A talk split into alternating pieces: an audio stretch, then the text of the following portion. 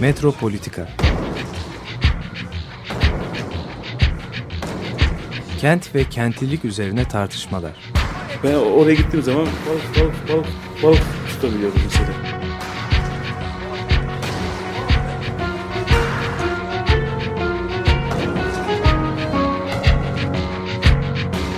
Hazırlayıp sunanlar Aysin Türkmen, Korhan Gümüş ve Murat Güvenç.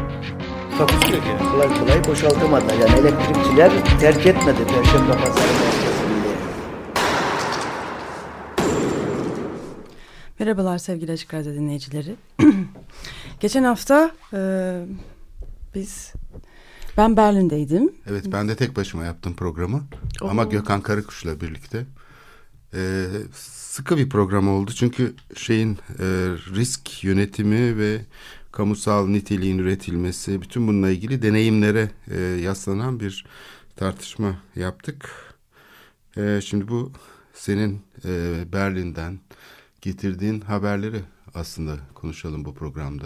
Almanya'ya her e, gittiğimde e, bir şekilde aslında bizimle çok da ilgili olan bir sürü şey görmeye başlıyorum. E, çünkü e, bir endüstriyel kent olan e, Berlin özellikle ya da hani başka bu e, madencilerin falan olduğu bölgeler, maden çıkarılan bölgelerin de dönüştürülmesi, Berlin gibi bir kentte e, bütün bu endüstriyel, endüstriyel terk edilmiş mekanların dönüştürülmesi, onları gördükçe tabii e, kafamda bir sürü e, değişik e, sorular, düşünceler, e, umutlar bile doğuyor yani. Yani çok, Ruhr çok- Havzası'yla başlamıştı biliyorsun Evet. bu endüstri ve kömür merkezi. Yani hep savaşlara da konu olan e, şeydir bu, alandır. Ve bu bölgedeki dönüşümün 55-54 tane yerel yönetimin birleşerek bir metropoliten havzaya dönüştürmesi bu endüstriyel alanı ve e, su kanalları ve şeyler de dahil, toprak da dahil bütün e, arazinin yıllarca zehirlenmiş olmasını 30 yıllık bir programla milyarlarca euro harcayarak temizlemeye başlaması ve buradaki dönüşüm mesela bu dünyada herhalde ilk yani bizim öğrencilik zamanımızda ilk dikkati çeken konulardan biriydi. Düşün 80'li yıllarda başlamış 70'li yıllarda hatta başlamış bir e, projeydi bu hala sürüyor. hem geniş çaplı hem de geniş dönem e, yani Çok uzun vadeli bakıyorlar. Yani öyle bir iki Evet, senelik hakikaten. programlar değil 30 senelik 40 senelik programlar yapıyorlar. Bir de bir önceki hani 2-3 hafta önceki bu gene dünya şehirlerinden Los Angeles işlediğimiz programla hani bir karşılaştırmalı olarak da düşünmek de enteresan. Yani nasıl hani Los Angeles'ı neoliberal, neoliberal kent olarak ve hani nasıl bu, bugünü neoliberal kentin bugünü ve geleceğiyle ilgili e, sorularla düşünmüştük. Evet. Berlin daha bam- bambaşka bir şekilde duruyor yani. E, ne olursa olsun tarihiyle daha iç içe bir şekilde düşünmek durumundayız. Çünkü Soğuk Savaş dönemi akla geliyor hemen yani. Evet. Hani Berlin'in ortası çünkü Checkpoint Charlie. ben de e, çok kısa bir geziydi ama üç günü de orada geçirdim Checkpoint Charlie'de. O da bir şey yani hani böyle bütün o Checkpoint Charlie'de yaşananlar hala orada bir sembolün duruyor olması, oradaki duvar hani e, bir şekilde kentin hafızasıyla e, kenti iç içe e, yaşatıyor. Bu çok önemli yani. Ve Almanların bu anlamda da şey var yani hafızaya önem veriyorlar. Yani orada bazı şeyler Tabii ne kadar yeterli ne kadar şey tartışılıyor da bu ama bir yandan da hani e, böyle bir kenttesiniz hani sürekli hani e, 1989'un e, parçalarıyla yaşıyorsunuz. Şimdi burada e, e, tabii geçen hafta bir de e, film severlerin mutlaka takip etmiş olduğu Berlinale vardı. E, Berlinale'nin işte ben de son günlerine ancak yetişebildim. E, Berlinale'nin e, artık bir e, neredeyse Berlinale'den artık bağımsız hale gelmiş. E, kurumsal olarak bağımsız hale hakikaten gelmiş bir bölümü daha var. Forum diye. Bu genellikle ilk ve ikinci filmleri e, yönetmenlerin oynatılan bir bölüm. E, daha deneysel, daha farklı bak- bakış açılarına hani böyle Berlinale'nin o büyük yarışmasından daha alternatif bakış açılarına ve özellikle e, belgesellere, uzun metraj belgesellere ya da e, orta metraj 60 dakika ve üstü belgesellere yer veren e, bir bölümü. E, bu forum da e, uzun yıllardır devam ediyor ve sanırım dünyadaki festivaller içinde hani Berlinale'nin içinde olması dışında da bayağı ciddi bir e, hani başarı hikayesi formun oluşması da. Bu e, dönem benim dikkatimi çeken daha önce de oluyordu sanırım. Film Form Expanded diye de bir sergi ve böyle bir farklı bir alan daha açılmıştı. Hatta orada da işte forum partileri falan oluyordu. E, bu o, bu bölümün bu form, Film Form Expanded'in olduğu yer e, krematoryum. Yani aslında e, bir e, hani aslında cenaze biçimi hani e, bir dini olmayan bir e, yani yakılarak ölmeyi te, e, tercih etmiş olan insanlar için 1909-1910'da kurulmuş olan e, bir yer. Bu da aslında, aslında kurulması da çok ilginç bu krematoryumun. Wedding'de bu bunu da hemen söyleyelim. Berlin Wedding'de. Ee, özgür düşünce e, e, e, hareketinin bir parçası olarak yani biz e, dini bir şekilde gömülmek istemiyoruz, yakılmak istiyoruz diyen o dönemki e, bir hareketin e, hani yarattığı bir alan bu ve işte iki üç sene içinde yapılmış e, ve e, o dönemki özellikle laiklikle ilgili hani önemli bir gelişme e, olarak düşünülüyor burası. E, ancak e, 1900 e, e, pardon 2000'lere gelindiğinde artık krematoryum olarak kullan, kullanılmayacağı e, düşünmeye başlanmış ve bunun dönüştürülmesi fikri ortaya atılmış. Burada da e, bir e, özel girişimci ancak kendisi de zaten sinemayla ve özellikle de belgesel filmle uğraşan e, bir kişi e, Jörg Heitman e, ve Bettina Ellerkamp zaten ikili beraber olarak çalıştıkları ve film projesini bambaşka bir boyuta çıkarmışlar. E, ellerinde de sanırım ciddi miktarlarda hani e, para da varmış, sermaye de varmış ve burayı e, satın almışlar. İhaleden almışlar. ihaleyi kazanmışlar. Ve e, üç kişiden birisi olarak bu, onlar kazanmışlar. Ve burayı dönüştürmüşler. Herhalde belli şartlar da vardı. Yani bu mekanı alıp yıkıp da buraya bir gökdelen yapabilirsiniz. Kimse demedi onlara. Ya, İhale deyince çünkü Berlin'de... Türkiye'de bu şartlar belirlenmeden ya da kapalı kapılar ardında pazarlıkları yapılarak bu dönüşümler gerçekleşiyor. Şehir merkezindeki kamu alanlarını düşünürsek burada mutlaka bu koşulların tanımlı olması gerekir. Bu hafıza mekanı e, bu şekilde korunacak falan diye bir şey yani tabii yani burada hani bayağı bir çılgınca oluyor. Los Angeles'ta da hani geç, iki üç hafta önce konuştuk. Oradaki dönüşümler de maalesef pek kamusal alan düşünülerek, kamusal fikirle yapılmıyor. Ama Berlin'de bunu yapmak herhalde çok çok daha zor. Yani Berlin bambaşka bir kafada yani Almanya yönetimi başka ama bir de Berlin'in özel bir şey de var. Yani sürekli her şey e, oylanıyor, referanduma gidiliyor. Yani şehir... E, şehirlilerle kentlilerle beraber mekanları düşünüyor ve beraber e, hani e, geleceğine karar veriyor. Böyle bir kent yani diğer kentlerden daha farklı bir şekilde bir e, hani paylaşarak projeleri. Ben hep havalimanını düşünüyorum sen bunu söyleyince. Oraya da Şehrin merkezindeki havalimanı iyi. Hangi havalimanı? Yani buradakini düşünüyorum önce çünkü... Oraya da geleceğiz ama havalimanı başka tamam. bir şey. Başlık. Şunu istersen bir, hani bir toparlayalım. Krematoryum hikayesi de çünkü çok hoş. Tamamen özel girişim ama dediğin gibi herhalde bazı şartları vardı ve bu ikili bu şartları yani Jörg Heitman ve Bettina Ellerkamp bu şartları yerine getirdi. Ama e, yani burayı bir film arşivi ne çevirmişler bir defa. Burası bir arşiv ama bu hani hmm, burada aynı zamanda da bir deneysel e, film çalışma arşivi yani film çekmek değil film araştırmaları üzerine. Yani özellikle e, sanatla belgeselle böyle ara dere olan formları da topladıkları böyle çok geniş bir arşiv oluşturmuşlar ve e, özel şey sanatçıları da buraya davet edip bu arşivle beraber yeni işler yapmalarını istiyorlar. Rezidans bir programı da var, bir rezidans programı da var.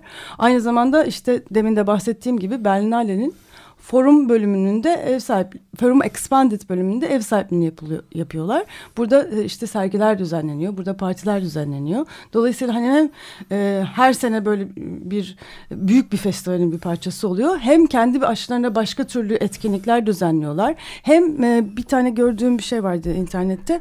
E, mahalleyle birlikte böyle bazı mahallenin üzerine e, mahallenin problemleri üzerine çalıştıkları e, işte çalıştaylar, e, workshoplar düzenliyorlar. Böyle hani weddingle iç içe ama uluslararası boyutta da iç içe.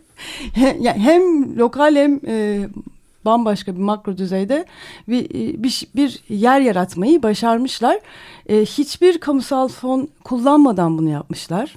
Bu, bunun da çok önemli olduğunu düşünüyorum. Tamamen özel yani filantropik bir şekilde bunu gerçekleştirmişler.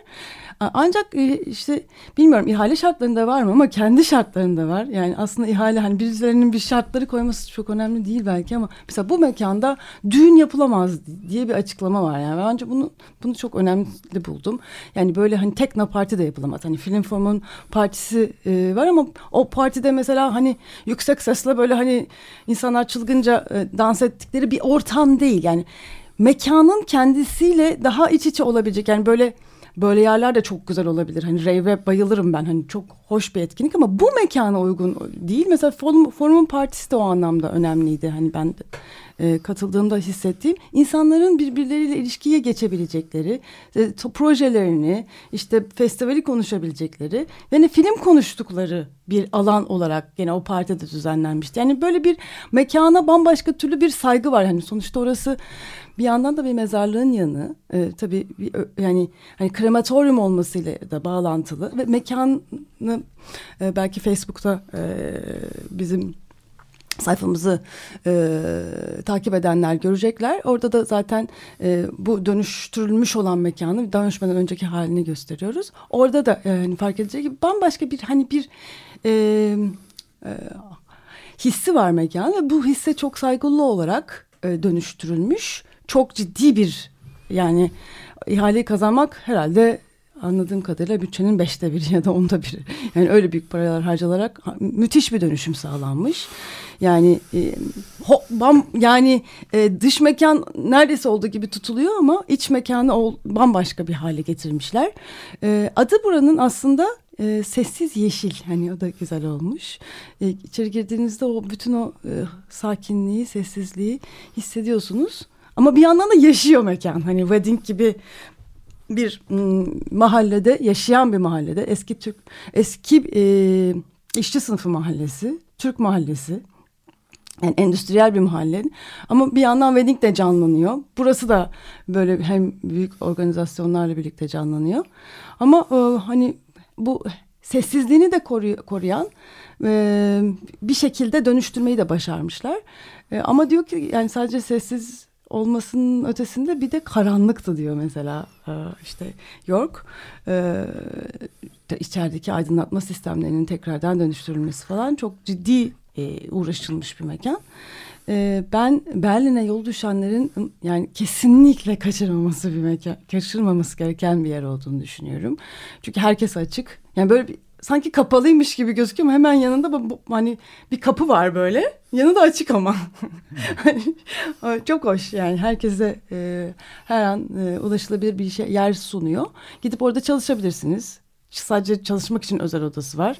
Bir kafesi var. Her şey mütevazi e, ama e, çok rahat ve e, sıcacık bir ortam yaratmışlar. Hakikaten Mars diye bir e, kafe işletiliyor ama çalışanlar çok güler yüzlü.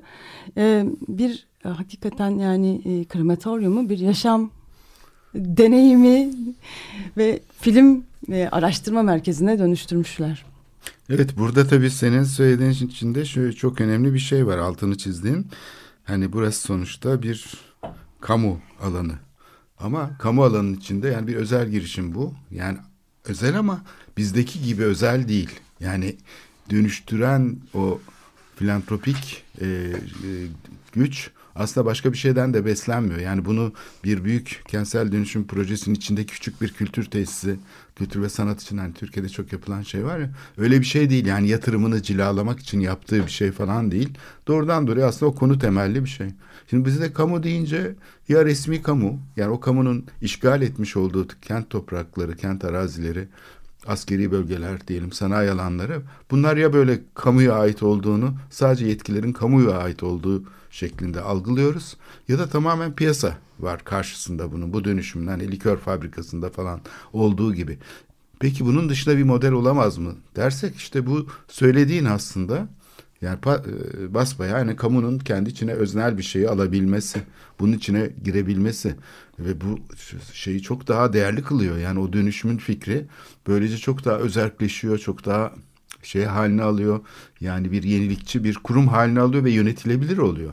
Ve e, oradaki tabii bu bu şekildeki dönüşüm mahalleyi e, hani mahallede kentsel dönüşüm gibi böyle yukarıdan bir şeyleri zorla bütün dinamiklerini alt üst ederek değil mahalleyle iç içe yani rahat bir şekilde o dönüşüm sağlanıyor. Tabii ki mahalleyi dönüştürüyor yeni aktörleri içine getiriyor ama e, mahalledekileri böyle hani biz hani ne, neyle karşılaştık şu anda hani hayatımız bir anda böyle bir yerle bir daha tanımlandı demeden hani hayatlarına devam ederek ama hayatlarına küçük artılar katarak devam ediyor. Hani bu, bu hani bu çok önemli bir şey gibi geliyor. Bir anda çünkü yanınıza böyle mesela hani şimdi benim e, eski yaşadığım evde öyle hissediyorum. Yani işte 8 katlı apartmanlar vardı. Onlar benim bile rahatsız ederken şimdi hepsi 15 katlı oldu. Ve gerçekten böyle bir hani bir, müthiş bir kopukluk hissediyorum yani. Hani mekanla ilgili yani doğduğum evle yaşadığım büyüdüğüm evle ilgili bir türlü hani dışarı bakmak pencereden dışarı bakmak istemiyorum. Her an bizim evde zaten öyle olabilir ama hani bu kopukluklar insanlarda da büyük bir hani e, şey yaratıyor, güvensizlik yaratıyor yani. Hani hayata karşı bundan, bundan da bahsettik. Hani mekanların bu kadar hızlı dönüşüyor olması insanların psikolojilerini de baştan yaratıyor aslında yani. Güvensiz ve tedirgin olarak yaşamaya başlıyoruz. Bir de bu aslında dönüş söylemi var ya. Bu da herhalde bu kırılma kadar önemli radikal bir e, hayata müdahale şekli. Şimdi bu seçim öncesi adayların programlarına baktığın zaman mesela son olarak dün e, tarihi yarımada ile ilgili İstanbul Büyükşehir Belediyesi için adaylardan biri şunu söyledi. Buradaki dedi bütün e, tarihe uygun olmayan yapıları ayıklayacağız. Onları yıkacağız. Yerlerine de işte Osmanlı Mahallesi yapacağız. Bu aslında e, tarihi yarımada koruma planlarının ana fikri. Ta 90'lı yıllardan beri ben bu ana fikrin sürekli tekrarlandığını görüyorum planlarda. Yani ne yapılacak? Bir Osmanlı mahallesi yaratılacak. Orada uygunsuz şeyler var. İşte küçük üreticiler var hala. İşte bir takım atölyeler var. Bir takım inşaatlar yapılmış falan. Bunların hangisinin tarihi yarımadanın özüne uygun olduğunu, hangisinin olmadığını düşüneceğiz ve onu kazıyacağız. Şimdi bu yaklaşım Tam da işte e, sürece yani gelişmekte olan şeylerle teması kaybetme şekli. Yani tipik bir modernist yaklaşım. Tepeden inme bir şey modernleşme biçimi. Şimdi bu şeyi dersi maalesef bir türlü çalışamıyoruz. Yani sürekli aynı şekilde aynı şeyin içinde dönüp duruyoruz. Oysa ki bir bölgede bir kamusal şeyin müdahalenin nasıl gerçekleşeceğine dair şeyleri bizim daha özgürce konuşabilir olmamız lazım. Yani mekanın bu ortak mekanlara dair de özgürlükleri e, sağlamamız lazım. Bu özgürlüklerin olmadığı bir yerde mimarlık olabilir mi? Yani bir şehir planlama fikri gelişebilir mi? Bu bu şekilde bir tasarlayıcı e, kamu tepeden bakan böyle şey gibi düzenleyecek ve bunu da e, bir e, şey olarak hani e, iç ferahlatıcı bir meseleymiş gibi o siyasetçilerin yakın çevresindeki insanlar algılıyorlar. Aynı güzel bak tarihi yarımadayı koruyacakmış falan gibi. Ee, bu ne yazık Böyle ki... bir yüksek güç var. O evet. hani bahşediyor, korumayı da bahşediyor. Hani inşa etmeyi de bahşediyor. Hani böyle bir hani böyle değil aslında. Bu entelektüel yani. şeyden kaynaklanıyor. İşin tuhaf tarafı. Siyasetçilerden kaynaklanmıyor biliyor musun? Siyasetçiler tabii politika üretmekten aslında yani politika en yakın olan insanlar politika geliştirmekte çok yetersizler. Yani yerele dair bir politika geliştirmekte.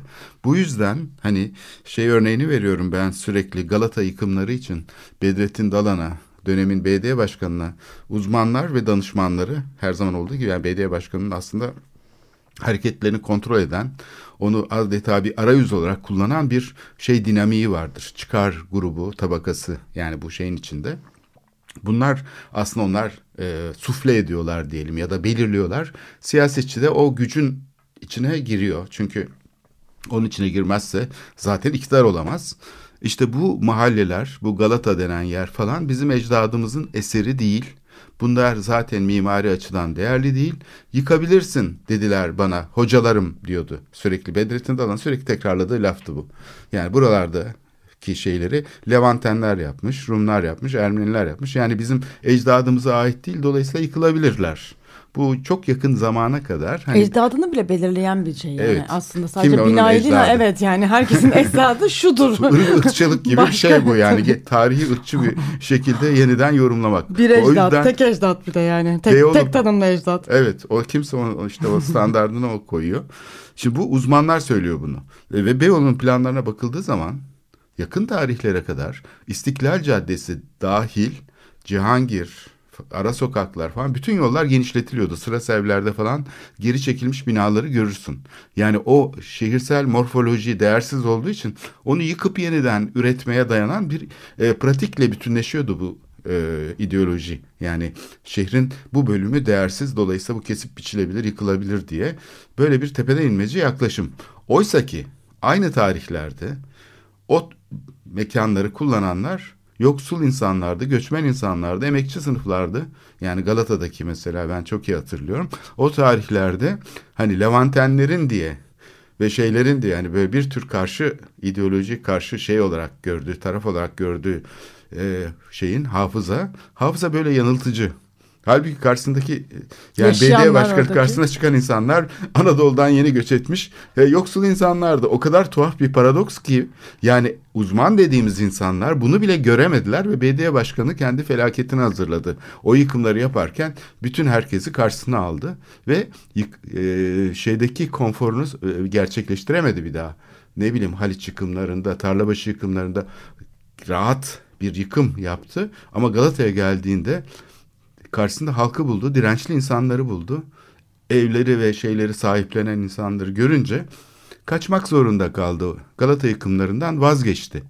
Tekrar gelebilirdi eğer iktidara gelmiş olsaydı ama bu onun e, şeyini de hazırladı. E, belediye başkanlığı şeyini kaybetmesine yol açtı. Çünkü pırıltısını kaybetti. Yani Galata yıkımlarında ısrar etmesi ve oraya saldırmak için böyle e, inanılmaz e, gayret etmesi, hocalarım bana söylediler burası yıkılabilirmiş diye kamuoyu oluşturmaya çalışırken bir baktı ki karşısında yerel halk var ve e, çok ciddi bir entelektüel çevre, bütün İstanbul, yüz binlerce insan akın akın Galata'ya gelerek halka destek verdi. Şimdi bu mesela e, tarihe geçmemiş, kayıtlara geçmemiş çok önemli bir siyasi vakadır. Çünkü o seçkinci söylemle şehir arasındaki bağlantının nasıl kopuk olduğunu gösterdi. Yani bu olay e, siyasi tarih açısından bence çalışılması gereken yani bu yerel e, şeyler tarihi açısından e, konuşulması ve çalışılması gereken bir konu. Yani Beyoğlu'na siyasal yaklaşım özellikle popülist iktidarların yaklaşımı nasıl e, dönüşüm geçirdi ve nasıl bir şeyle karşılaştı. E, çelişkiyle, söylem çelişkisiyle. Yoksul halkın olduğunu fark etmeyen ve orayı hala Levantenlerin mekanı olarak yok etmek isteyen bir belediye başkanı düşün. Yani bununla şehir dönüşüyor. Ya da tarihi yarımadayı düşün. Osmanlı mahallesi yapmak isteyen ve orada yaşayan insanları dikkate almayan. Şimdi görüyorsun değil mi? Hanlar, şeyler felaket durumda. İstanbul'un en değerli mekanları bunlar. Yani o muazzam büyük yapılar, iş hanları bir zamanlar hava paralarıyla ticari açıdan çok değerli oldukları için e, zor yer bulunan merkezlerdi bunlar. Ticaret merkezleri, üretim merkezleri, küçük üretim merkezleri. Bugün bomboş, terk edilmiş vaziyette. Kiralar düşmüş, bir fakirleşmedir gidiyor. Yani sahiden metruk hale geldi. Tarihi Yarımada bu tasarlayıcı ideolojiyle yani şehri bu şekilde tepeden değiştirmeye çalışan şeyin tabii ki etkileri oluyor. Evet bir şey düzenleyemiyor aslında tamamen çökmüş bir yaklaşım, şehircilik yaklaşımı ama etkileri oluyor sahiden. Yani o şiddet altında şehir e, fakirleşiyor, yoksullaşıyor. İşte Beyoğlu'nun bugünkü durumu mesela. Yani o şeyler dönüşüm şeyleri sahiden başarılı olmuyor yani. E, bu tepeden inme yaklaşımla ya da piyasa odaklı belirleyici yaklaşımlarla yani tepeden yaklaşımlarla iktidar gücünü yanına alarak e, bütün şartlara rağmen bu dönüşüm olmuyor. Niye Beyoğlu'nda şey yok? Yani böyle bir e, Berlin'deki gibi mesela şey yok. Canlı bir ortam kalmadı. Bir ara çok iyiydi değil mi Beyoğlu? Yani bir şeydi yani bir platform gibiydi. Açık bir platform. E, göçmenler vardı, şeyler vardı falan. Yani onlar böyle kuşak kuşak şehri terk etmeye başladılar. Onların yerine yenileri geldi falan ama şey ortadan kalktı. Yani bir kamusal fikir ortadan kalktı. Ne olacağına dair kimsenin bir bilgisi yok. Bu şekilde dönüşüyor şehir. Kadıköy aslında en az müdahale edilen yer ve şu anda en canlı yeri. Evet Şehrin. onu evet ben yani de müdahale fark ediyorum. ed- edil yani o belediyenin e, hakikaten yaklaşımı da e, dünya belediyeci belediyecilik anlayışı içinde hani bildiğimizin ötesinde bir yerde duruyor anladığım kadarıyla. Yani hani hakikaten değişik e, e, Kadıköylülere hitap eden değişik alanlar açılıyor, değişik yerler açılıyor ve e, bu alanlar sürdürülüyor. Yani yıllardır hani kapanmıyor bir sürü yer. Etkinlikler ücretsiz gerçekleştiriliyor, herkese açık. Böyle hani alanlar yaratılıyor şu anda. Belki bir Kadıköy üzerine hani bütün Bunu özgür şey olarak- mekan diyebiliriz belki. Çünkü kamu müdahalesinin mümkün olduğu kadar az olduğu yerler. Yok kamu e, fonuyla Destek. açılan yerler var. Mesela çalışma alanları var. Ve yani Kadıköy'ün en Kadıköy'de. güzel yerinde. İdea diye bir yer açıldı mesela. Hani hakikaten Belediyenin şeyle belediyenin yeri Evet. gittiğiniz zaman kullanabiliyorsun. tabii e, hani hiçbir ücret ödemeden ücretsiz e, Wi-Fi olarak e, hizmet veren e, biraz ücret küçük ücretler karşılığında daha bir hani kendinize özel olarak ayırabileceğiniz bir e, alanda tutabiliyorsunuz ama gidip orada çalışabiliyorsunuz ve hakikaten e, denize nazır. yani e, ba- ba- başka Alzheimer merkezi kuruldu. TAK var. e, bir e, tasarım atölyesi. Hani Kadıköy'de aslında e, Berlin'den dönünce insanı yine hani ya olabiliyor bunlar yaşanabiliyor dediği e, alanlar yaratıyor. Bir kısa müzik arası verelim istersen. E, gene bu bahsettiğim e, krematorium Silent Green'de e, kiracı olarak e, var olmuş bir grup K7. Simon e, şey pardon Kruder and Dorfmeister'den dinliyoruz. Sofa Rockers.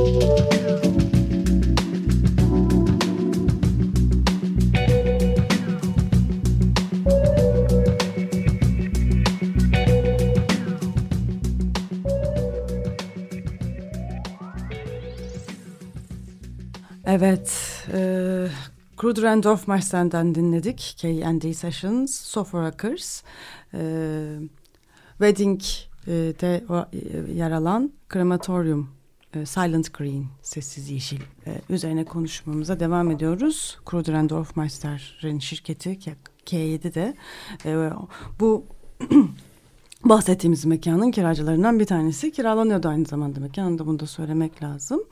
E, şimdi e, biraz işte Wedding'den bahsettik. E, biraz birazcık Berlin'in genelinden de hani bahsettik ama e, son dönemlerde hani ne kadar e, ciddi bir e, akış var Berlin'e. Biraz oradan da bahsetmek lazım. E, müthiş bir hani dünyanın şu anda herhalde millennium e, jenerasyonunun en çok tercih ettiği kentlerden bir tanesi. Benim e, yurt dışında tanıştığım değişik yerlerde yaşayan insanlar en sonunda Berlin'de yerleşmiş ve orada yaşamlarına devam etmiş hale geliyorlar. Yavaş yavaş yani Türkiye'den de çok fazla e, yeni dönem göç var. E, bu yani gidince de hissediyorsunuz hani hakikaten böyle bir yaşam mümkün mü? Yani böyle rahat, insanların güler yüzlü olduğu bir sakin huzur genel şehrin genelinde bir huzur hissettiğiniz bir yer. Ee, İstanbul'da da 2002-2012 yılları arasında böyle bir bu atmosferi hissettiğimizi hatırlıyorum. Bir on sene öyle bir dönem vardı. Tabii şehrin e, boom yaşadığı yani ekonomik olarak çok canlılık yaşadığı dönem e, olduğu için de İstanbul'un. Yani bunun sebeplerini de anlatmıştık defalarca programlarda. Berlin'de de şöyle öyle bir şey var. Emlak fiyatlarının dünyada 2017'de en hızlı arttığı şehir Berlin. Bir parantez içinde şey de söylemek istiyorum. İkinci şehir de İzmir. 2017'de. Üçüncü şehir Reykjavik. Ama e, başka bir programda da İzmir'i konuşuruz ama şimdi Berlin'den e, devam edelim. Hatırlar mısın Beyoğlu da o tarihlerde e, bütün uluslararası emlak e, spekülatörlerini çekmişti ve fiyatlar 10 misli falan artmıştı Beyoğlu'nda. Yani o patlamayı e, ben çok iyi hatırlıyorum. Çünkü bir taraftan bu cazip hale getiren şehri yani bunlar çok zengin insanlar değil. Bu kültür e, şeyinde yer alan insanlar, kültür ve sanat e, şeyi tabakası diyelim bu entelektüel e, sanat tabakası yani şehrin en iyi yönettiği şeylerden biri bu göç ve ziyaretçi yönetimi. Yani bunu içinden en değerli tabakayı alıyor, şehre çekiyor, değil mi? Yani oradaki şeyler sıradan insanlar değil. Şehrin kamu hayatına katılabilecek insanlar. Bunları çekiyor şehir. Bu bir strateji aslında. Fakat bunu çekerken kendi içinde bir paradoks yaratıyor. Onlara evet yani mesela Alman hükümeti çok sayıda burs veriyor. Çok sayıda destek veriyor. Yerel yönetimler, vakıflar. Muazzam yani bu cazibenin şeyini yaratan ekonomik şeyler var. Yani bu davranış ekonomilerini yaratan fonlar var. Çünkü o insanları, o sanatçıları oraya çekmek kolay bir şey değil. Ama emlak Bu, alım bir... satımı da e, mesela ha. bir Londra gibi de değil. Bunu da Hı. ya da İstanbul gibi de değil. Yani hani çok Hı. daha kontrollü, e, vergiler çok daha kontrollü. E, belirli dönem orada yaşamazsanız orada elinizden alabiliyor satın aldığınız mülkü Alman devleti. Tam nasıl işliyor bilmiyorum ama yani bildiğimiz neoliberal hadi akıyoruz. Sınırsız hadi şey evet yok. öyle değil. Yani bay- ciddi kontroller var. Belki daha da bile olması gerektiğini düşündük. Hatta işte bir arkadaşım oradan ev almıştı. Ee, elim İngiliz kendisi ve şey her an elimden de çıkabilir. Hani burada belirli şeyleri şartları yerine getirmezsem belirli dönem Almanya için çalışmazsa sanırım mesela freelance çalıştığı zaman, bağımsız çalıştığı zaman elinden alabiliyor hükümet e, evi. Yani böyle küçük küçük şartlara bağlanmış ve onunla bile konuşurken şey dedik yani aslında bu da iyi bir şey yani hani bir yandan böyle bu kadar hani hani bu emlak üzerinden ve finans e, kapitali üzerinden dünyada bu akışların olması dünyayı ne hale getirdi? Yani biraz böyle hani oturaklı hani belirli dönem burada yaşayıp buraya belirli bir sermayeyi hem iş gücünü de aktarman gerekiyor ki o mülkü orada e, e, orada sahip olmaya hak kazan. Hani bunlar güzel şeyler bir yandan da. Tabii Ne özel kadar- alan diyoruz ama özel alan içinde kamu var. Yani şimdi bizde e, Beyoğlu'ndaki anıt yapılarda bile hiçbir kamu şeyi yok. Yani bir kısıtlaması yok. İstediğin gibi al bunu istersen mağaza yap, istersen restoran yap. İşte planda ne yazıyorsa onun her şeyi yapabiliyorsun. Hatta planda değişiklik yapabiliyorsun değil mi? E bunlar yapılıyor. Orada yani bir ev alırken bile bir kamusal e, şeyin içine giriyorsun. Yani çünkü stratejik bir plan var. Yani şehir kendi geleceğini e, şeye bırakmak istemiyor. Şeyde Fransa'da öyle onu bildiğim kadarıyla. Üç ay sürüyor. E, bütün e, hani sanki ah, yanlış hatırlıyor olabilirim ama böyle o, o e, mu- muhtarlıktan özel izinler gerekiyor. Yani sanki oradaki kimsenin karşı çıkmaması gerekiyor mesela. Hani sizin alacağınız muhitte sizin e, ev almanıza bütün mahalle karar veriyor gibi bir, de mülkle düzenleme ilgili bir koymuşlar. Önemli bunlar planı. aslında. Mülkle ilgili ne yapacağını söyleyeceksin. Ya bir de yönetim planı var. Bu da öyle e, yönetimin rüşvet almak için yapıyorum. şey Hadi yaptı değil. istediğimi de yapıyorum. O kadar kolay ol- olmuyor yani. Ee, tabii bunları söylerken de yani hani bu neoliberalizmin hani nasıl farklı noktalardan da geldiğini hani görmek gerekiyor. Şimdi e, Los Angeles'tan bahsetmiştik. E, ve Los Angeles'ın en önemli noktalarından bir tanesi burası teknoloji kenti olması. Silikon Vadisi'nin olması burada ve bütün e, bu e, kesimde çalışan insanları buraya çekebilecek şekilde bir şehir olması. Şimdi Berlin'de e, Avrupa'nın teknoloji kenti olma e, sürecinde başlatmış durumda artık. Yeni Silikon Vadisi Berlin'de olacak. Tabii bunun da getirdiği bambaşka bir nüfus e, göçü olacak. E, şehri etkileyecek. E, tabii e, hani çok e, hem e, beyin göçü alacak. Evet bu güzel bir şey ama başka şeyler de geliyor yani hani tek başına da gelmiyor. Yani ne kadar hani zenginlik gelirse bambaşka e, eksileriyle de geliyor. Berlinlerde hafif bir tedirginlik de var. Hani umarım daha yani kontrollü bir şekilde bütün bu göçü de sağlarlar. Şimdi e, programın girişinde şey demiştik. Berlin e, terk edilmiş binalar, terk edilmiş mekanlar, terk edilmiş e, yerler e, kenti. Bu belki de hani bu, bu alanların en e, büyüğü, en sembolü e, oranın terk edilmiş olan e, havalimanı. Bizim de e, havalimanımızla ilgili e, önemli gelişmeler olduğu Niye için. terk edilmiş? Yani iki şehir birleştikten sonra mı terk edildi? O eski şehrin yani eski bölünmenin bir şeyi de olabilir. Çünkü havadan taşınıyordu ya bazı şeyler, e, eşyalar, şeyler. Çünkü o uzun soğuk savaş döneminde e, Berlin'in tabii çok farklı bir statüsü vardı. Şimdi bu muazzam alan e, e, şehir için aslında önemli bir fırsat haline almış durumda değil mi? Şehrin içinde böyle büyük bir havalimanının Neukölln ve Tempelhof yani şu anda e, hani Berlin'in en hip e, mahallelerinden bir tanesi eski gene o, eski değil halen daha Türk mahallesi olan Neukölln'ün oralarda olan bir yer. Yani şehrin çok içinde olan bir alandan bahsediyoruz.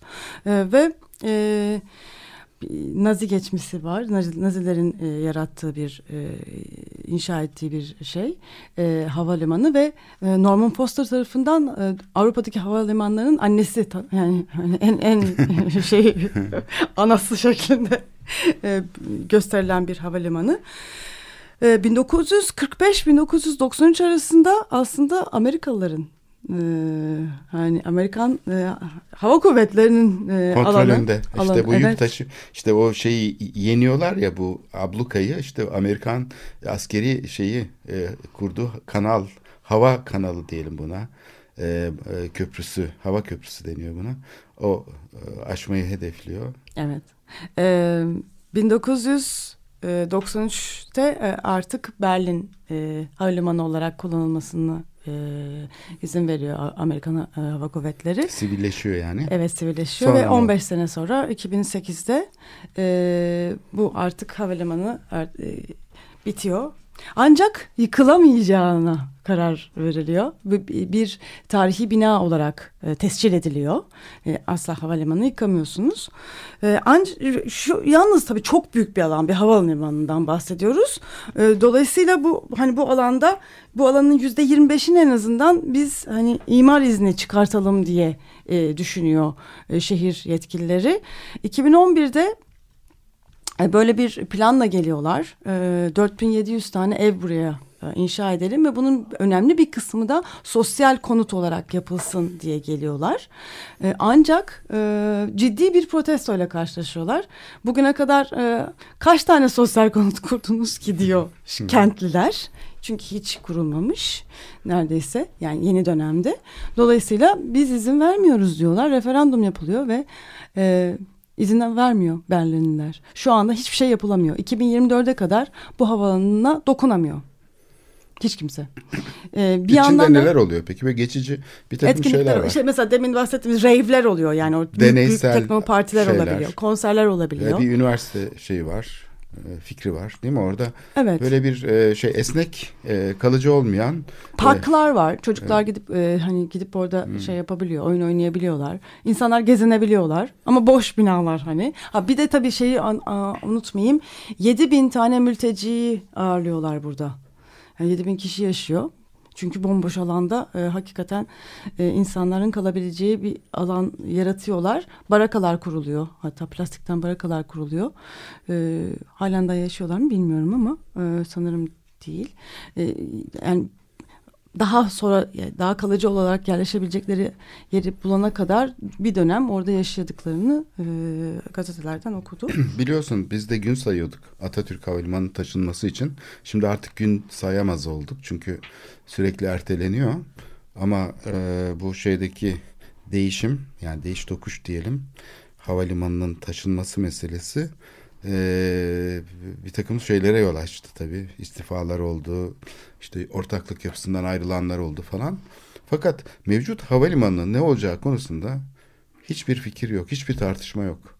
Şimdi o havalimanı son dakikaya kadar, kullanıldığı son dakikaya kadar güncellenmek zorunda. Yani havalimanı tıpkı uçak gibidir. Uçağı nasıl güncel tutmak gerekirse yani bütün sistemleriyle falan hiçbir eskimesi yani. Bu mesela bazı kamyonlarda falan hani şey vardır ya işte bu kaportaları falan eskir ya da işte bir şey. Uçak öyle bir şey değildir. Sürekli güncel tutulmak e, ve e, bakımlı olmak zorundadır. Havalimanı da öyle. Havalimanında hiçbir şey eskiyemez. Hiçbir şey e, böyle kalsın da işte biz buraya yavaş yavaş değişeceğiz. İşte hani bir evde olur ya bir taşınıyoruz falan ama işte sıvalar boyalar biraz eskidi diyemezsin. Çünkü o şarttır. Havalimanı şartları e, son dakikaya kadar yeni olmak zorunda. Bir de zaten e, yani son dönemde yenilenmiş bir havalanından bahsediyoruz. Evet büyümüş. Büyütülmüş. O zaman ne bu? Çok güzel de yapılmış. yani İkinci ben havalimanı dünya havalimanları içinde Evet. Atatürk Havalimanı'nın çok güzel olduğunu düşünüyorum. Çok rahat bir defa. Hani böyle geniş geniş. Bir sürü havalimanında mesela İtalya falan felaket Evet. yani. Evet kötü havalimanları Almanya'da severiz. çok da metah değildi yani mesela Evet. tekerler küçücük falan hani yani o kadar geniş rahat yani Evet. kolay e, hani her şeyi bulabildiğin bir havalimanı ki ve e, uzun saatleri çok rahat geçirebileceğin mesela bu da çok önemli. İtalya'da falan sefillik yaşıyorsunuz Şimdi yani. bu gereksiz bir büyüme. Yani e, büyüme e, yerine hani e, biraz sürdürülebilir bir e, şey yapılsa çünkü bu seyahatlerin havayolu trafiğinin muazzam bir kirlilik yarattığı ortada. Yani bu sistemi e, şey yapmamak lazım. Daha da büyütmek, daha da büyütmek. Benim aklıma hep şey geliyor. Bu yeni yapılan havalimanı acaba yeniden işlevlendirilse nasıl olur? Çünkü o koskoca binalar yapıldı oraya ve kullanılmıyor. Yani kullanılması da zorla olacak. Türk Hava Yolları işte oraya zorla insanları taşıyacak. Oradan zorla uçuşlar yapılacak falan.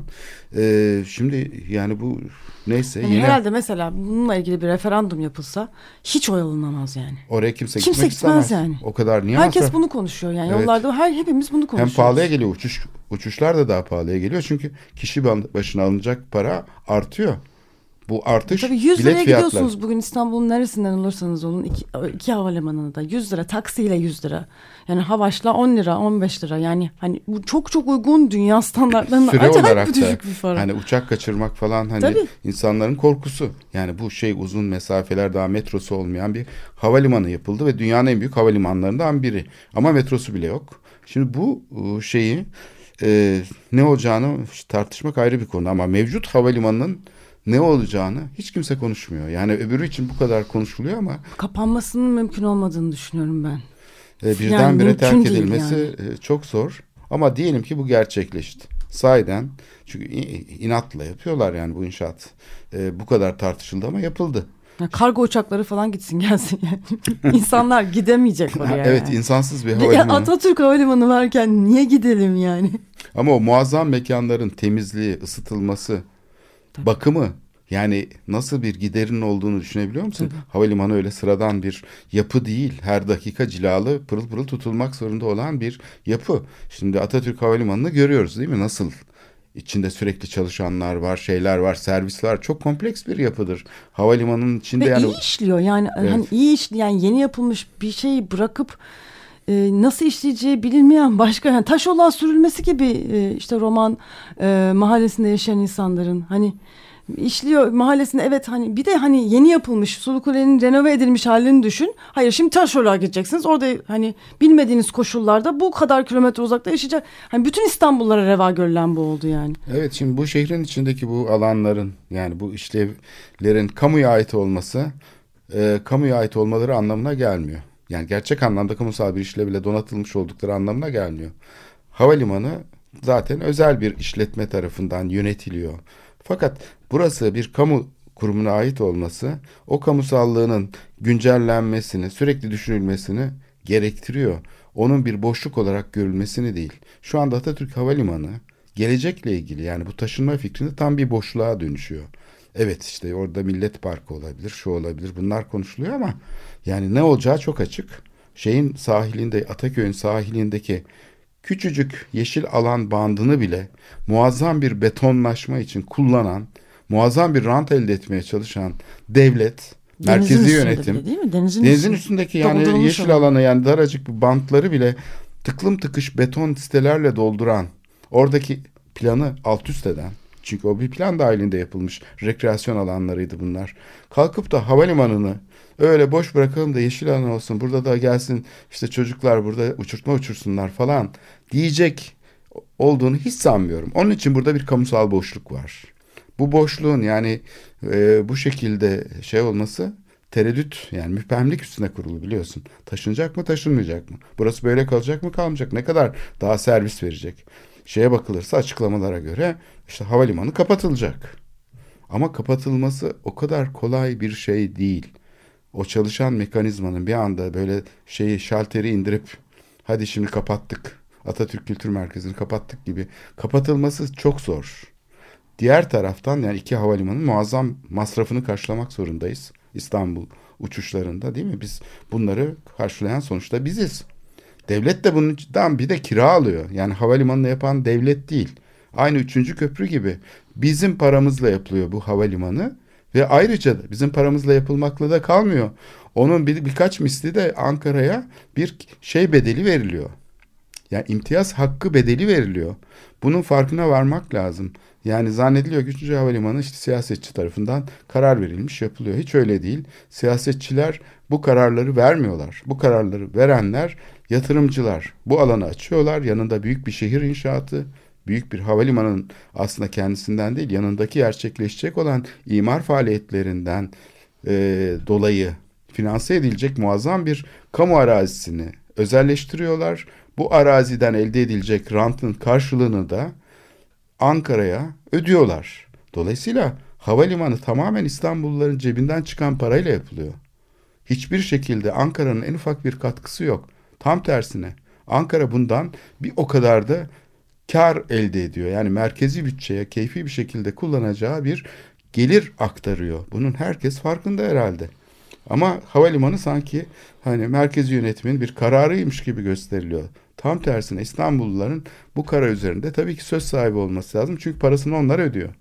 Hani şey denince hani parayı veren düdüğü çalar denir ya. Türkçe'de böyle bir terim var. E parayı biz veriyoruz. Düdüğü de biz çalarız demesi lazım İstanbulluların. Bunun finansmanını yapan İstanbul halkı sonuçta. Bu havalimanlarının. O Böyle işe. bir referandum talebi olsa hani evet. biz bir nasıl hani bir istiyor muyuz Atatürk Havalimanı'nın kapatılmasını? Bu bizim hakkımız. Zaten hani baştaki kararda olması gerekirdi ama şimdi hiç değilse yani nasıl kullanılacağını alternatifleri belirleyip bunu nasıl kullanacağını biz karar verelim yani. Bunu finanse eden de biziz. Bunu biz bu bizim havalimanımız. Kentler olarak böyle bir talebimiz olmalı. Ne yazık ki kamuoyu özgür bir şekilde bu konuları e, şey olmuyor. Temas edemiyor. Çünkü üçüncü köprü örneğinde bu programda da işlemiştik. Yapılan araştırmalar üçüncü köprü konusunda kamuoyunun bilgilendirilmediğini gösteriyor. Bilgilendirilmeyen yani farklı özgür bir ortamda e, bilgi sahibi olmayan insanların katılım hakkı da ortadan kalkıyor. Bilgi sahibi oldukça insanlar katılabilir. O yüzden bu müphemlik yani bu belirsizlik ortamında katılım şeylerinin en zayıf olduğu, kararların en keyfi olduğu e, şeyleri, şehircilik deneyimlerini yaşıyoruz biz İstanbul'da. Hiç kimse bilmiyor. Yani şehrin en önemli kamusal alanları özelleştirildi e, ve başka alternatifi yokmuş gibi dayatıldı bu. Yani başka alternatif pek hala olabilirdi. Bu alternatifleri insanlar bilmediği için işte Galata Port'un sadece bu modelle dönüşebileceğini zannetti. Likör fabrikasının sadece bu modelle olabileceğini, Ali Sami stadının sadece bu modelle ya da Ataköy sahillerinin bu şekilde dönüşebileceğini, hava gazı fabrikaları ya da bilmem ne endüstri tesisleri, kumaş fabrikaları, tank fabrikası bilmem ne askeri alanlar. Bütün bunlar şehrin hayatının en önemli şeyleri yani kamusal dönüşüm şehrin dinamiklerini belirleyen en önemli şeydir. Yani ya zaten neoliberal e, genel olarak yönetimlerin bence en başarılı oldukları nokta insanların başka alternatif olabileceğini düşünmemelerini sağlamaları. Yani tek alternatif budur. Hani size biz bunu zaten sunuyoruz gibi bir şekilde formatlayabilmeleri her şeyi. Halbuki yani nasıl tek alternatif olabilir ki? E bir de pozitif bir tarafı var çünkü orada insanlar çalışıyor, uzmanlar çalışıyor. Hayat o şekilde şekilleniyor ve mimarlar çalıştığı zaman mesela bu projelerde e onlar da bu işi savunmak zorunda kalıyorlar. Yaptıkları işin sanki bir alternatifi yokmuş gibi. Çünkü doğmamış fikirleri biz tartışıyoruz. İtirazlar bu yüzden sinek vızıltısı gibi algılanıyor doğmamış fikirler halbuki ortaya çıksa doğmamış fikirlerin çok daha pırıltılı olduğu, çok daha şehrin kamusal hayatını zenginleştirebilecek olduğunu da göre, görülebilir ama bu daha kaynağında yok edilen bir şey. Alternatifler daha e, doğuşta e, şey olmuş oluyor, felç edilmiş oluyor. Bu asıl yani bütün mesele bu. Evet, e, Berlin, Berlinale, Wedding ve Tempelhof üzerinden İstanbul'daki e, durumları konuştuk. Üçüncü havalimanında konuştuk biraz. Ama bu haftalık da bu kadar diyoruz. İyi haftalar.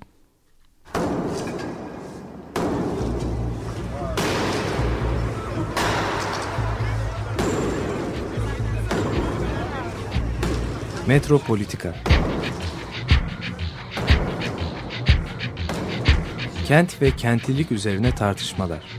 Ben oraya gittiğim zaman balık balık balık balık tutabiliyorum mesela.